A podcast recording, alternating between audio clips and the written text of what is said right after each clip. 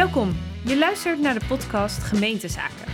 We nemen je in deze podcast mee langs belangrijke politieke thema's en samen met inspirerende gasten bespreken we de rol van de gemeente.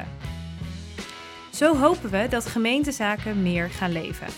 Mijn naam is René Roodhuizen en ik zit hier samen met Maarten Wiedemeijer. Wij zitten samen voor de Partij van de Arbeid in de gemeenteraad van Haarlem. En voordat we onze gast van vandaag aan jullie voorstellen, wil ik deze eerste aflevering starten met de vraag waarom we deze podcast überhaupt maken. We kennen allemaal de podcast Haagse Zaken. Maar wat zijn dan gemeentezaken en waarom zijn deze even belangrijk om een podcast over te maken? Gemeentes hebben steeds meer belangrijke taken. Te denken aan verkeersveiligheid, klimaatadaptatie en jeugdzorg. We zijn hierin afhankelijk van het Rijk, van keuzes van politieke partijen, het college en maatschappelijke ontwikkelingen. Maarten, aan jou de eer om onze eerste gast te introduceren. Ja, dankjewel René. Mijn naam is Maarten Wiedemeijer. Vandaag hebben we het over wonen. Wonen is misschien wel het belangrijkste lokale onderwerp. En daarom is bij ons de gast, de wethouder van Wonen in Haarlem, Floor Rodener. Floor, welkom. Dankjewel. Wat heb je vandaag voor moois voor Haarlem kunnen doen? Oh, uh, het is vandaag een dinsdag. Uh, en dinsdag is de dag dat wij als college van burgemeester en wethouder, uh, wethouders altijd onze vergadering hebben, onze collegevergadering. En dat is de vergadering waarin wij belangrijke besluiten nemen voor Haarlem. besluiten die we voorbereiden voor de raad, of sommige dingen besluiten we zelf. Um, maar ik zal niet vertellen wat er op de collegevergadering heeft gestaan. Dat kunnen jullie vanzelf uh, straks gaan lezen. Maar we nemen besluiten over de jeugdzorg, over woningbouwprojecten om die een stap verder te brengen. We nemen besluit over de herinrichting van, van wegen, over het verbeteren van het groen. Nou, eigenlijk al die dingen waar de gemeente verantwoordelijk voor is. Nou, daar gaan we zo allemaal mooi dieper op in. En met name over wonen, hoe we dat in Haarlem gaan oplossen.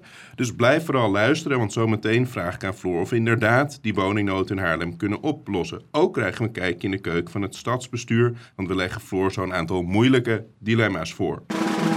Ik huur op dit moment in de particuliere sector voor 900 euro kale huur in de maand. En ik zou heel graag een huis willen kopen. Volgens een nieuw wetsvoorstel moet twee derde van de woningen betaalbaar zijn met veel ruimte voor sociale huur. Honderden mensen hielden vanmiddag in Amsterdam een mars tegen de leegstand. Een dak boven je hoofd hebben is gewoon een recht. Ja. Dus er, er, er is genoeg voor iedereen. Mensen worden in huizen gestopt die veel te duur zijn. Huizen worden uitgebuit. Terwijl wonen is in feite gewoon een grondrecht. Er is genoeg geld, dat is het probleem niet. Het zijn echt ontwikkelaars en gemeenten die nu aan zet zijn. Floor, wat denk je als je dit allemaal hoort? Er zijn zoveel Haarlemmers die geen woning kunnen vinden. Wat vind je daarvan? Ja, dat is heel schrijnend. Je hoort hier dan een verhaal over iemand die, uh, uh, die 900 euro betaalt voor een kamer of een woning. Uh, maar zo kennen we heel veel verhalen van mensen die nou, nog bij hun ouders wonen terwijl ze dat niet meer willen. Ik krijg ook verhalen langs van mensen die in scheiding liggen en ook graag uh, zelfstandig weer uit elkaar op een gezonde manier het leven verder gaan. Dus er zijn heel veel verhalen en we kennen ze allemaal over mensen die woonruimte zoeken en ook nou, daar ook heel erg mee worstelen hoe dat te realiseren. Voordat we echt de inhoud in gaan doen, eerst even maken we wat meer persoonlijk kennis met jou. Waar ik benieuwd naar ben, is je bent natuurlijk nu vijf jaar wethouder, een hele drukke baan. Hoe zorg je dat het een beetje leuk blijft? Dat je een beetje balans thuis hebt, dat je ontspanning vindt?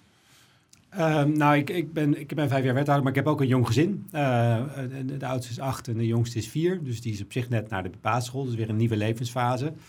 Uh, maar ik moet heel erg zeggen, ik heb mijn werk en dat vind ik heel leuk. En daarnaast heb ik mijn gezin. Of eigenlijk andersom moet ik zeggen. Die vind gezin, je ook heel leuk. gezin gaat altijd voor. En daarna komt het werk. Uh, en daarna, als er dan nog wat tijd over is, vind ik het leuk om te sporten. Uh, om met vrienden af te spreken. Dat zijn dan de dingen die je doet met elkaar. die ik leuk vind om te ontspannen. Maar ik vind, ja, weet je, ik heb gelukkig heel leuk werk. dus dat helpt ook. ik heb een heel leuk gezin trouwens ook. Heel goed. maar ik heb ook uh, ik, heb ook, ik voel het werk is gewoon heel leuk. Ik heb het gevoel dat ik daar ook uh, echt het verschil kan maken voor Haarlemmers. Uh, voor de stad Haarlem, stad waar ik zelf geboren, geboren ben en me heel erg verbonden mee voel. en dat maakt het uiteindelijk ook het werk echt een cadeautje om te doen. Waar ik nog wel benieuwd naar was, je doet het natuurlijk nu een aantal jaar. Vorig jaar was je ook de lijsttrekker van de Partij van de Arbeid in Haarlem. Zijn nou echt momenten dat je echt denkt van nou hier ben ik nou echt zo blij mee. Echt dat je er echt even toch een moment van kunt genieten. Waar ben je echt, kijk je echt met veel plezier op terug?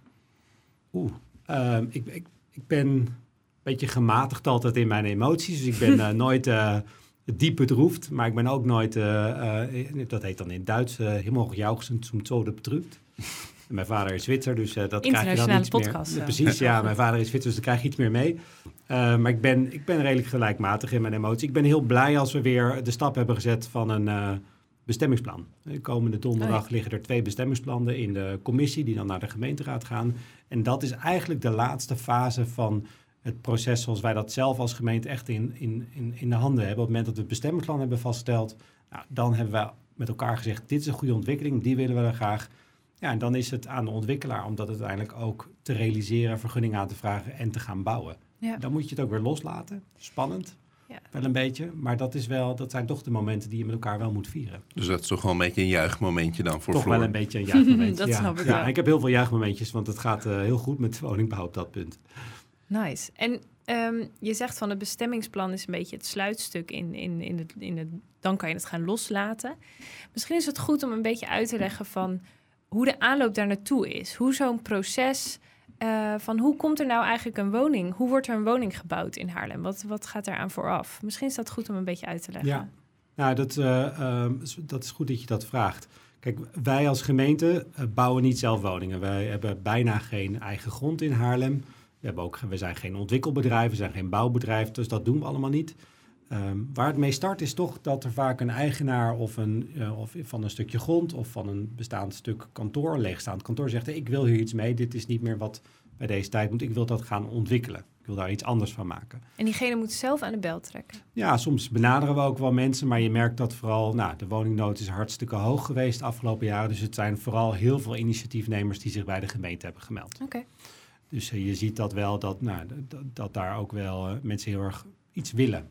Eh, en, maar wij als gemeente mogen dan, eh, of gaan dan eigenlijk met die initiatiefnemer aan de slag, om daar dan ook afspraken te maken van wat kan hier dan komen? Wat willen wij als gemeente? Vinden we dit, dat dit inderdaad een kantoor moet blijven? Of kan het ook inderdaad veranderen in een woongebouw? Hoe hoog mag het worden? Eh, moet er ook nog werkgelegenheid in? Moeten er sportvoorzieningen bij? Moet er ook nog niet rekening gehouden worden met een school? Al die dingen die, die kun je met elkaar afspreken. Ehm, en dat hele traject, nou, dat, dat, dat duurt eigenlijk eh, een jaar of acht hè, voordat een woningbouw ook echt staat. Maar dat gaat dus in stappen. Ja. Eh, en dat begint met dat wij zeggen, nou, eh, een beetje op hoofdlijnen, dat we zeggen, nou, mag hier iets gebeuren? Vinden wij het goed dat dit kantoor wordt veranderd naar een woongebouw? Dat, nou, dat besluit leggen we dan aan de gemeenteraad voor bij de start van een project. En dan ga je weer een stap verder in het ontwerpen. Dan ga je kijken van hoe, wat voor soort gebouw kan er komen? Hoe hoog mag het zijn? Hoe gaan we om met het parkeren? Moet het een parkeergarage of kan het op het maaiveld? Hoe groen moet het gebouw worden? Wat voor soort woningen willen we graag hebben? Zijn het vooral betaalbare woningen? Eh, of moet, kunnen het ook duurdere woningen zijn? Daar hoort natuurlijk ook uiteindelijk het huishoudboekje van de ontwikkelaar bij. Krijgt hij het financieel rond? Hè? Klopt het financiële plaatje voor hem ook? Dus dat is wel een constant gesprek. Nou, en uiteindelijk eh, leidt dat toe in ieder geval bij de gemeente tot het vaststellen van een bestemmingsplan. Waarin we zeggen, nou, het had de bestemming kantoren bijvoorbeeld, werkgelegenheid. En nu veranderen we dat in de eh, bestemming wonen. En, kan op basis van het aangepaste bestemmingsplan kan een ontwikkelaar zijn vergunning aanvragen en beginnen met bouwen. Maar wat ik zeg, dat proces is een lang proces. Ja. Acht jaar waarin er veel getekend, gerekend en eh, gepraat moet worden. Eh, niet alleen met de ontwikkelaar en de gemeente, maar ook met de bewoners, met Haarlemmers die eromheen wonen. Eh, en dat, nou, dat is een heel proces wat we met elkaar doorlopen. Maar als je dat proces tot bestemmingsplan dan ook afmaakt en het vertrouwen hebt dat het gerealiseerd wordt, nou, dat, nou komen we toch weer terug. Dat zijn toch wel de juichmomentjes waar je het voor doet. Ja. Goed. En in dat hele lange proces, want je zegt ja, je wil ook zorgen dat het betaalbare woningen worden. Want we willen natuurlijk niet alleen maar dat er dure woningen worden gebouwd. Maar hoe zorg je daar dan voor? Dat je, hoe- hè, want die ontwikkelaars die hebben de grond. Hoe zorg jij er als wethouder voor dat het toch woningen uiteindelijk worden die Haarlemmers kunnen betalen? Ja, ik denk dat we met name daar vier jaar geleden een belangrijke, belangrijke koerswijziging hebben gehad. Vier jaar geleden heeft de coalitie toen gezegd: wij eh, willen niet, eh, de, de ontwikkelaar mag niet helemaal zelf kiezen wat voor woningen die bouwt. Wij gaan voor 40% sociaal, 40% middelduur en 20% mag de ontwikkelaar zelf kiezen. Nou, en eh, dat was wel even zoeken, want dan heb je dus een aantal processen al lopen, projecten al lopen. Die ontwikkelaar heeft dus een rekensommetje gemaakt. Die denkt: ik mag hier dure koopwoningen maken. En dan opeens komt de gemeente langs en zegt: ja, wacht even. Eh, jij krijgt alleen maar een bestemmingsplan, aangepast bestemmingsplan, als je ook betaalbaar bouwt. Nou, dan, dan kun je heel veel oplossen, ook wel met, uh, uh, met, toch weer een nieuw ontwerp maken. Met goed rekenen, goed tekenen, mooi nieuw ontwerp maken. Maar wat ook heel erg geholpen heeft, is in dat wij de afgelopen vier jaar eigenlijk een aantal grote subsidies hebben gekregen van de Rijksoverheid, de woningbouwimpulsen. En die, maken er wel voor, die zorgen er wel voor dat nou, als er dan een keer een gat in zo'n business case zit, dat je als gemeente daar ook een deel kan, van kan betalen om te zorgen dat die woningen ook echt betaalbaar blijven. Dus jij bent wel positief dat dat lukt? Ja, ik ben daar wel positief over. Ik denk wel, er zijn twee dingen die je op dit moment in de markt ziet. Uh, aan de ene kant, dat hoor je allemaal ook in de kranten. De bouwkosten zijn enorm gestegen. Energie uh, en arbeidsloon is ontzettend duurder geworden. Dus dat is negatief. Je ziet ook dat uh, de prijs van koopwoningen een beetje inzakt. de rente is natuurlijk flink gestegen. Mensen kunnen minder lenen, minder betalen voor een woning. Aan de andere kant zie je dat de corporaties, dus de woningbouwcorporaties, ook weer echt geld hebben. De verhuurdersheffing is afgeschaft. Dus je merkt dat projecten waarin nou, de corporaties um, vroeger niet zo snel zouden instappen, ze weer met volle kracht kunnen instappen. En nou, het zal echt even puzzelen zijn hoe zich dit de komende maanden ontwikkelt. Maar je ziet wel, ik heb wel de goede hoop dat de corporaties nou, de woningbouw wel aan de gang houden. Mooi. Waar ik wel benieuwd naar ben, is dat je gaat natuurlijk binnenstedelijk vooral bouwen, dat wil Haarlem, dus niet in de groene gebieden. Maar dan ga je natuurlijk ook woningen bouwen op plekken waar al Haarlemmers wonen. En die denken dan van, nou ja, hè, ik heb al een woning, ik zie in één keer een, een toren bij mij in de straat verschijnen. Het roept natuurlijk allerlei uh, emoties op. Hoe zie je dat en hoe wil je daarmee omgaan? Nou, die emoties zijn, uh, zijn heel begrijpelijk. Ik denk dat, dat, dat we dat met elkaar ook moeten, moeten zien, dat dat ook hele logische emoties zijn maar we moeten daar wel ook het eerlijk gesprek met elkaar aan overgaan.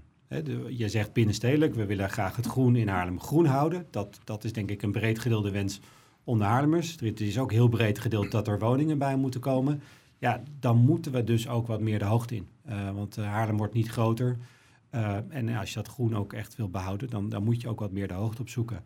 Dat doen we niet willekeurig. We proberen echt wel goed na te denken over wat vinden wij goede plekken waar het uh, wat meer de hoogte in kan. Houden ook rekening met bijvoorbeeld zon van bewoners. Um, maar dat is, niet, dat is niet makkelijk. En op het moment dat je ja, toch meer in de, in de leefwereld van mensen komt, dan, dan, dan, dan zijn mensen daar ook wel kritisch over. Dat snap ik ook. Um, maar ik denk ook, ja, ik, als ik mijn slaapkamerraam uitkijk, dan kijk ik ook bij de slaapkamers van de buren naar binnen. Hè? Dus dit, je, dit, dit, hoort er ook wel een beetje bij in de stad. Uh, ja. We zitten in een stad, uh, er is gewoon niet zoveel ruimte. We moeten allemaal rekening houden met elkaar. Uh, je hebt soms wat minder schaduw, zon in je tuin, wat meer schaduw. Dat hoort er ook een beetje bij. En ik denk dat het aan de gemeente is om te zorgen dat we dat eerlijk proberen te verdelen. En op een nette manier proberen te doen.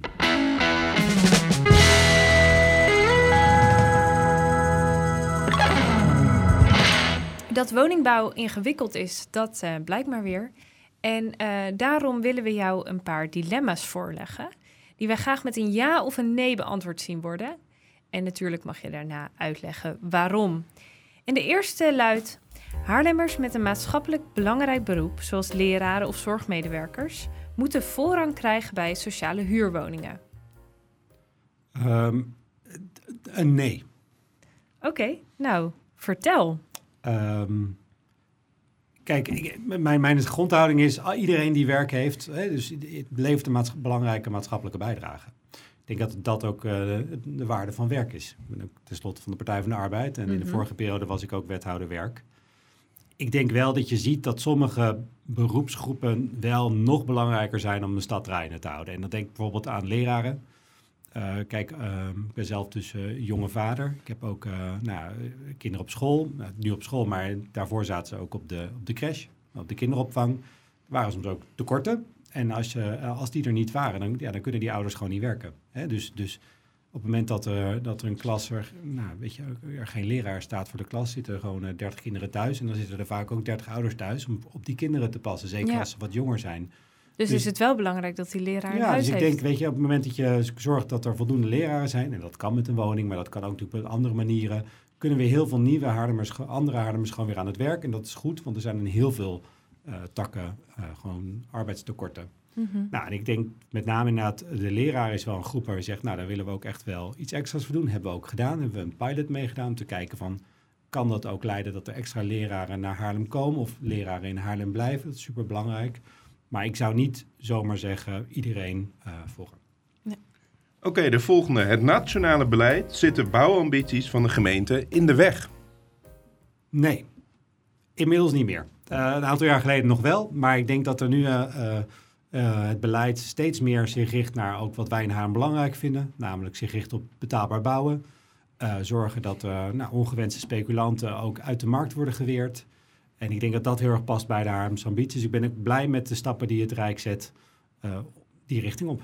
En geldt dat ook voor stikstof? Daar is natuurlijk heel veel uh, discussie over, kunnen we wel zeggen. Ja. Hoever, in hoeverre oh, nee, heb je vertel. daar. Stikstof? in hoeverre heb je daar uh, last van dat dat niet echt wordt opgelost? In Haarlem valt dat gelukkig nog wel mee. Ik denk landelijk zie je dat echt tot grote problemen. Uh, wij moeten in deze regio ook echt aan de slag met stikstof.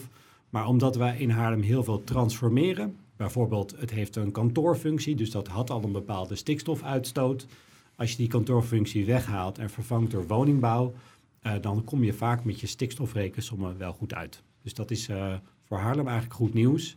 Maar goed, dit is natuurlijk een landelijk probleem wat ja, dramatisch is en dat moet gewoon worden opgelost. Ja.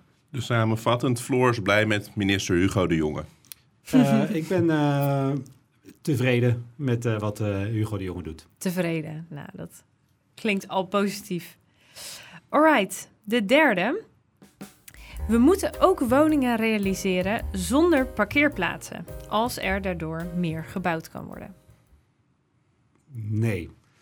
Ik denk niet dat we, want ik denk het makkelijkste inderdaad dat we zeggen, nou, we bouwen vanaf nu geen enkele parkeerplek meer en dan doen we wel 10.000 woningen. En misschien dat we die woningen nog wel uh, nou ja, uh, bevolkt krijgen ook. Maar we weten ook natuurlijk dat als je 10.000 woningen bouwt, er echt wel mensen tussen zitten die uh, ook een, een auto nodig hebben voor hun werk. Mm -hmm. of voor hun gezinsleven. Of ik denk wel, dus, dus nee, zo radicaal zou ik het niet willen doen. Ik denk dat we echt moeten bouwen naar kwaliteit. Uh, dus niet, niet al onze kwaliteitseisen en een parkeerplek hoort daar dan dus ook een klein beetje bij overboord gooien om maar die woningen uit de grond te stampen. Ik denk wel dat we wat minder parkeerplekken mogen bouwen en dat we moeten gaan werken aan die mobiliteitstransitie. Er is natuurlijk ook een grote groep waar ik dan zelf ook onder val, die um, nog nooit een auto hebben gehad. Ja. Ik heb hem ook echt niet nodig. Ik zou hem, uh, nee, ja, ik zou hem ook niet kopen. Dus ja, als ik dan eerder en sneller um, kans maak op een woning, die doelgroep is er natuurlijk ook. Ja, nee, dat snap ik. Ik had op jouw leeftijd ook geen auto. Nee. Uh, en uh, ik, ik, ik, denk dat, ik denk dat ik als ik weer wat ouder ben ook weer afscheid neem van mijn auto. Deze fase van mijn leven met, met drie jonge kinderen is een auto voor de voetbal superhandig. Of Ja, een deelauto zou ook superhandig Ja. zijn als die goed beschikbaar is. Dus dat, dat zijn gewoon fasen in je leven waar dat soms, eh, soms speelt. Kijk, als je uiteindelijk moet kiezen tussen eh, nou, 12 vierkante meter beschikbaar stellen voor een geparkeerd stuk blik... Mhm. Uh, of gewoon een woning of een kamer van, ik mijn eerste studentenkamer was ook, was nog kleiner denk ik zelfs. Ja, dan kies je natuurlijk voor die woning. Maar we weten ook, nou wat ik net zeg, op sommige momenten heb je een auto nodig, op momenten niet. Dus we hoeven echt niet voor elke woning een autoplek te bouwen. Uh, maar op 10.000 woningen zul je ook echt wel parkeerplekken moeten maken. En kunnen die 10.000 woningen dan wel gebouwd worden als we niet het autogebruik in Haarlem verminderen? Dat, dat is denk ik weer een beetje een andere vraag. Uh, want dan gaat het niet alleen maar over de nieuwbouw, maar dan gaat het ook heel erg over onze bestaande wijken. Uh, kijk, als wij 10.000 woningen bouwen en laat zeggen dat we daar dan nog 5.000 parkeerplekken bij bouwen, hè, dus op elke woning een halve, halve parkeerplek, komen dus 5.000 auto's in Haarlem bij. En dat is een stad die al behoorlijk nou ja, uh, vol is met auto's. Ik denk dat het veel makkelijker is om van die 70.000 andere woningen te zeggen, nou, als één op de tien woningen dan zijn auto uh, de deur uit doet, of zijn tweede auto de deur uit doet, ja, dan heb je opeens duizenden auto's minder in de bestaande stad. En dan blijft onze stad toch op een goede manier ook bereikbaar. Ja. Nou, dan gaan we naar de volgende, woontorens. De stelling is, we kunnen prima woontorens bouwen die hoger zijn dan de grote BAVO-kerk. Zou ik niet, uh, niet zomaar voorstander van zijn. Is er een plek in Haarlem waar nu echt plannen zijn om echt die hoogte in te gaan? En waar hebben we het dan over? Nou, bij de, uh, bij de buitenrustbruggen, dus bij de hoek van de Schiphol, uh, Schipholweg en de, Schalkwijkerstraat. Daar gaat het echt de hoogte in. Dat is een beetje schuin tegenover de Mariestichting. Dat zijn na torens van die hoogte ongeveer, 75 meter. Ik denk dat het op die plek ook goed past. Hè, uh, bij, langs het Spaarne... Um, maar ik zou niet voorstander van zijn om, om het centrum van Haarlem daar allemaal woontorens in te, in te stampen. En dat is, nou, in de laatste inzichten is het ook niet nodig om overal die hoogte op te zoeken om, uh, eh, om die woningbouw op te lossen. Het wordt vaak ook heel duur als je heel hoog gaat. Dus je moet ook opletten dat het niet eh, hele dure woningen dan worden. En uiteindelijk heb je ook weer plek nodig voor, nou, wat ik net zei, voor parkeerplekken op maaiveld. Dus ja, het is echt een beetje passen en meten. En op die plek komt ook een eh, OV-hub, als ik het goed heb begrepen. Hoe, hoe staat het daarmee? Kun je daar iets meer over vertellen? Nou, dat, is, eh, dat kan ik dan denk ik wel vertellen. We hebben vandaag dus collegevergadering gehad. En Oh, spannend. Ja, en eh, het, eh, Tromgeroffel. eh, het stedenbouwkundig plan was gesteld voor deze OV-hub. Dus dat Leuk. betekent dat we een volgende stap hebben gezet in het verder ontwerpen van deze belangrijke plek. Het wordt een, ja, een, een, een OV-hub vooral dus voor bussen. eh, met daaronder een, eh, een mooie verbinding, eh, onder, onder doorgang eigenlijk, een soort tunnel tussen de Slachthuisbuurt en de Europawijk, dus richting het park. Met een grote fietsparkeerkelder voor een paar duizend fietsen. Dus echt een plek, nou, zoals je nu ook station Haarlem kent, waar je heen, heen gaat, je fiets parkeert en dan in een van die bussen stapt. En dat zijn natuurlijk twee fantastische buslijnen die daar rechtstreeks naar Schiphol gaan of naar de, Amsterdam, naar de Zuidas in Amsterdam. Ja, super. Dat klinkt wel echt heel cool. Ja, en dat zijn dus ook plekken waarbij je zegt, nou, daar hoort een, dat heet dan een hoogstedelijk milieu bij. Wat meer woningen op een kleinere, kleine, eh, kleine oppervlakte. Daar hoort dan ook wat meer hoogte bij. Nou, dat past ook, denk ik, in als je dat vergelijkt met eh, bijvoorbeeld andere, de aansluiting bij, bij, bij Schalkwijk. Dus dat zijn dan plekken waar je echt wel wat, wat, ja, wat die hoogte kan opzoeken. Als je dan toch over oppervlakte hebt. De volgende stelling is: ik bouw liever veel kleine woningen voor studenten en senioren dan eengezinswoningen die wat groter zijn. Ja, dat zou ik eh, wel doen. Ik denk eh Haarlem is een stad met heel veel eensgezinswoningen. Eh, en je, nou, een aantal van mijn buren, ik woon in een eensgezinswoning, maar een aantal van mijn buren zijn dus wat oudere stellen waar de kinderen inmiddels het huis uit zijn. Ja, die zouden super blij zijn als er ergens een mooi appartement is, misschien met wat minder slaapkamers. Eh, misschien als mensen wat ouder worden ook, zonder dat ze de trap op en af moeten. Eh, ik denk dat dat de type woningen zijn, zijn die echt iets toevoegen aan Haarlem en waarmee we de doorstroming dus ook beter krijgen. Dan heeft René de eer voor de laatste stelling alweer. Nou, en dat is me er eentje. We moeten statushouders geen voorrang geven bij sociale huurwoningen. Nee, dat, eh, dat, eh, dat is echt een slecht idee. Eh, op dit moment hebben we gewoon, eh nou, statushouders krijgen wel voorrang bij sociale huurwoning. Dat moeten we ook echt zo houden. Kijk, het klinkt altijd zo, statushouders of dat, het zijn gewoon Haarlemmers. Het zijn Mhm. mensen die in Haarlem, die vanuit een, een, een, nou, gevlucht zijn voor oorlog of geweld.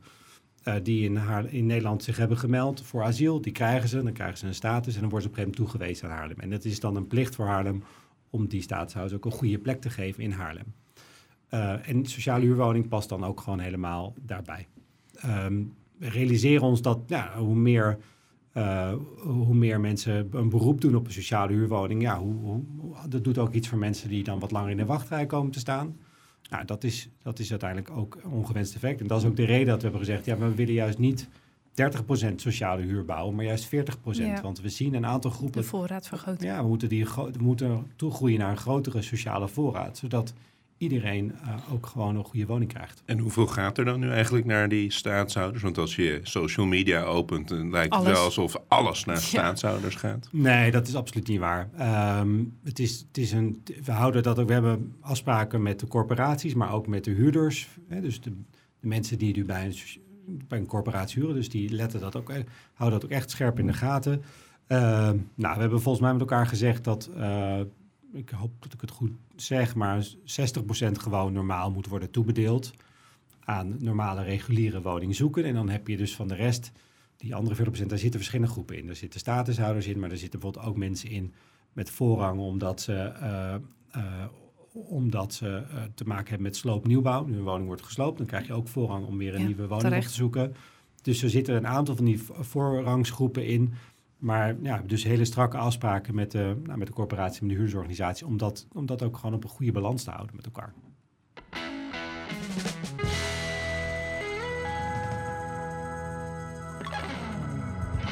Floor, ik vond het hartstikke interessant om met jou deze dilemma's door te nemen. We hebben het lang over wonen gehad. Vorig jaar eh, ben je als lijsttrekker als grootste partij uit de bus gekomen. Als we over drie jaar weer naar de stembus gaan, wat heeft Floor dan voor Haarlem bereikt? Oeh, dat is een gewetensvraag. nou, ehm, dit is mijn tweede periode als wethouder eh, bouwen, moet ik het maar even zeggen. En ik zou het... Nou, ik ben er gewoon... eh, maximaal gemotiveerd om te zorgen dat de plannen die we ook afgelopen periode zijn gestart, dat we die ook echt afmaken.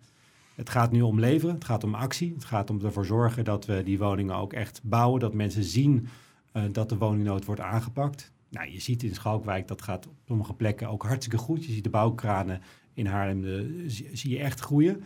Maar daar moet nog een tandje bovenop. En, uh, en dat gaan we de komende jaren met elkaar realiseren. Alright, Floor, dan wil ik jou ongelooflijk bedanken uh, als allereerste gast bij deze podcast. En aan de luisteraar wil ik vooral vragen om je te abonneren op deze podcast en om ons te volgen op Twitter en op social media, andere social media, bijvoorbeeld Instagram. En mocht je nou ideeën hebben, vragen hebben naar aanleiding van deze podcast, kan je ons op de socials altijd een bericht sturen. En dan wil ik jullie voor vandaag bedanken. Dankjewel.